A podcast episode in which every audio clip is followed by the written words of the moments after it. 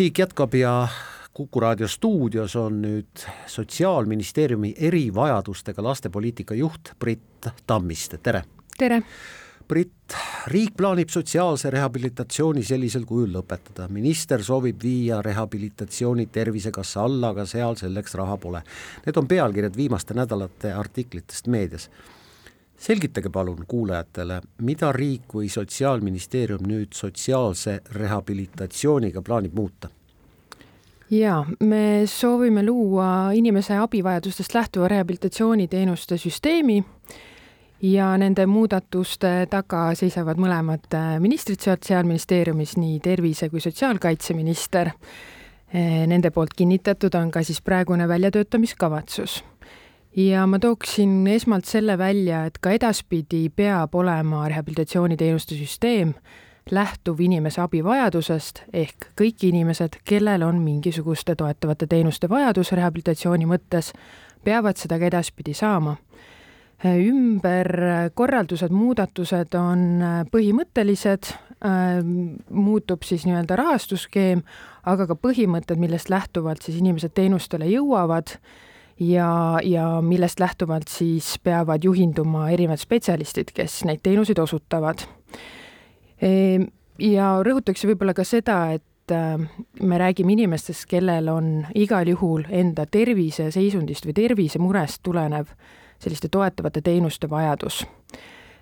annan ette ka sellise ajaraami, et tegelikult me räägime praegu väljatöötamiskavatsusest, millele ministeerium siis ootab tagasisidet neljandaks märtsiks kõikide huvikaitseorganisatsioonide osapoolte tagasiside on oodatud, ootame seda põnevusega. loomulikult hetkel ka käivad juba ka kohtumised ja on toimunud need ka väljatöötamiskavatsuse ajal. Sealt edasi siis sellel aastal soovime paika panna sellise detailsema tegevuskava, vaatame täpsemalt üle erinevate sihtrühmade teekonnad, et millised need veel täpsemalt täna on ja millised nad peaksid olema, et nad arvestaksid võimalikult hästi äh, inimeste vajadustega. Ja siis, kui me räägime nüüd regulatsioonide muudatustest või siis ütleme siis täna, jah, tänase sellise teenusekorralduse äh, konkreetsest muudatusest, siis me saame siin rääkida aastatest kaks tuhat kakskümmend kuus, kakskümmend seitse ja, ja loomulikult see rakendamine peab olema toetatud ka siis järgnevatel aastatel, ehk üleöö kohe ei, ei juhtu veel midagi, et me oleme toonud välja sellise esmase plaani ja, ja selge on see, et et äh, tänases rehabilitatsiooniteenuste korralduses, nii nendes teekondades, äh, kuidas inimene üleüldse äh, teenustele jõuab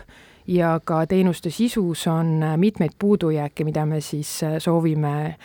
ümber korraldada, et igal juhul need inimesed, kellel on enda tervisest tulenevalt äh, toetavate rehabiliteerivate teenuste vajadused, nad väärivad äh, kiiret, lihtsat teenusele jõudmist ja, ja ka seda, et see teenuse sisu siis vastaks täpsemini, sihitatult äh, just konkreetse inimese vajadustele. et see oleks siis nii-öelda ka kvaliteetsem ja, ja äh, suurema mõjuga selle konkreetse inimese jaoks. kõlab nagu suur reform, peaaegu nagu haridusreform, aga kas ma saan õigesti aru, et rehabilitatsioonisüsteem ei vasta praegu täielikult inimeste vajadustele ja kohati dubleerib noh, tervishoiu ja, ja ka hariduse tugiteenuseid mm? -hmm ja et äh, täna rehabilitatsioonisüsteemi äh, all on kaks rehabilitatsiooniteenust, sotsiaalse rehabilitatsiooniteenus ja tööalase rehabilitatsiooniteenus. Mõlemaid äh, teenuseid äh, osutavad siis kombineerituna äh, sarnased või samad spetsialistid, sealhulgas siis näiteks füsioterapeut, logopeed, psühholoog, tegevusterapeut ja nii edasi ja, ja siit võis juba kosta ja tähele panna, et samu teenuseid ju ka läbi tervishoiu pakutakse, näiteks füsioterapeut, logopeed, psühholoog. Ja, ja laste sihtrühma puhul tõepoolest siis ka hariduse tugiteenuste alt äh, toimetavad meil äh, logopeedid, psühholoogid, lisaks siis ka eripedagoog ja, ja see on kindlasti üks selline, selline märgiline kitsaskoht, miks me räägime ka valdkondadeülesest äh, muudatuste planeerimisest, mitte ainult siis ühe või teise rehabilitatsiooniteenuse sees väiksemate muudatuste tegemisest, et vähendada neid dubleerivaid kohti äh,, seda kahel eesmärgil, esiteks, et inimese jaoks oleks selgem nii-öelda üks punkt, kust tema teekond algab, nii nagu ma alguses kohe välja tõin, et enamasti nendel inimestel on mingisugune tervisest tingitud mure,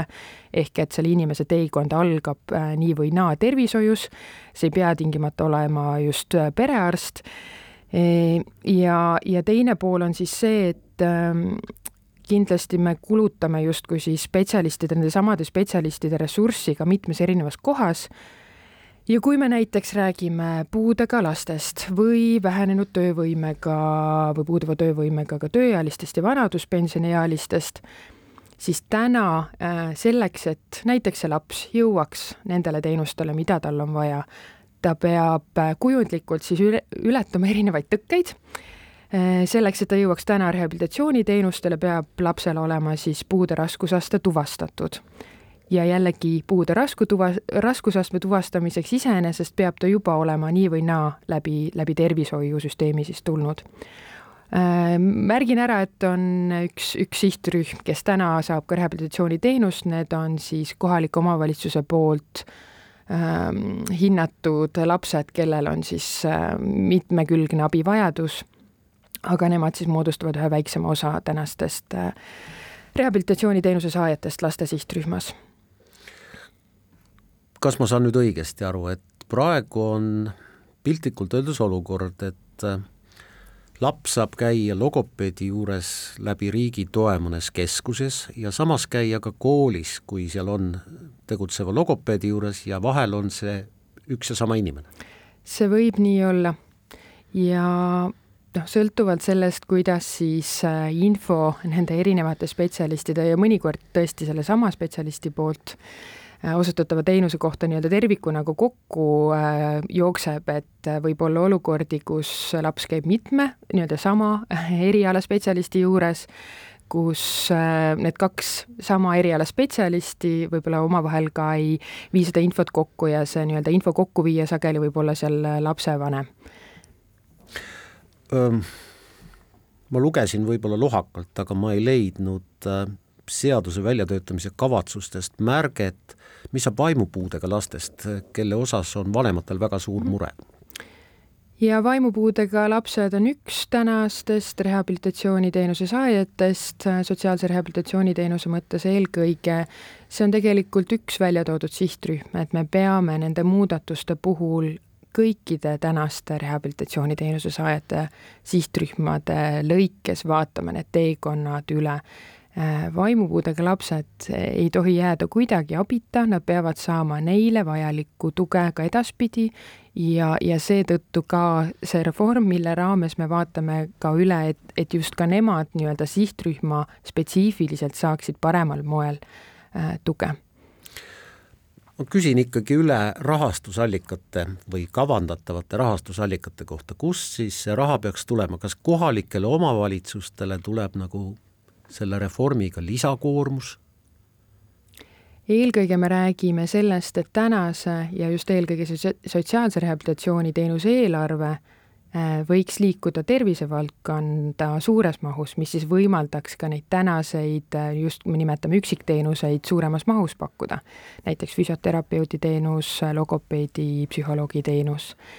see, mis osa justkui siis äh, täiendavalt võiks kohaliku omavalitsuse kanda jääda, selgub siin täpsemate plaanide väljajoonistamise käigus sellel aastal.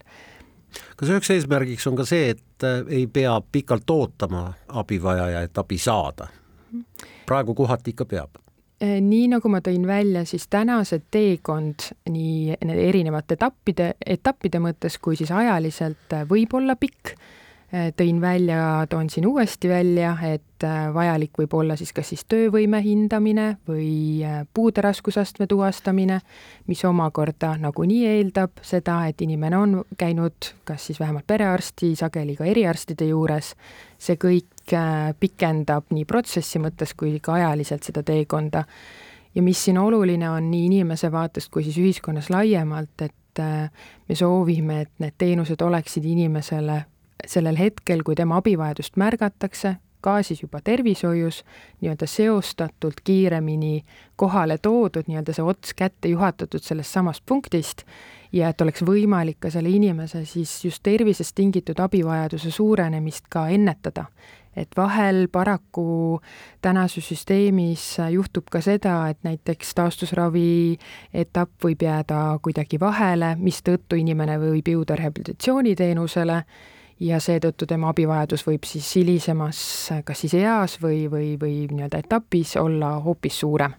et äh, üks, üks vaade kindlasti, mis toetab ka inimese äh, huve ja vajadusi, aga nii-öelda spetsialistide ressursi kasutamise mõttes, et see oleks nii-öelda õiges kohas paremini rakendatud õigeaegselt. ja lõpuks kordame üle veel need äh, eesmärgistatud tähtajad, mis saab toimuma aastal kaks tuhat kakskümmend viis, kaks tuhat kakskümmend kuus ja sealt edasi? ma alustaksin aastast kaks tuhat kakskümmend neli, et hetkel me ootame avatult siis tagasisidet väljatöötamiskavatsusele, seejärel siis koos äh, teiste ministeeriumide ja koostööpartneritega koostame sellise täpsema tegevuskava järgnevateks aastateks, ka selle VTK tagasiside pinnalt noh, ennustatavalt aastal kaks tuhat kakskümmend viis saab äh, alata nii-öelda õigusloome muudatuste ettevalmistamisega ja alates siis aastast kaks tuhat kakskümmend kuus ja sealt edasi võime rääkida nii-öelda regulatsiooni muudatustest suur tänu, et tulite Kuku raadiosse Sotsiaalministeeriumi erivajadustega lastepoliitika juht Brit Tammiste. aitäh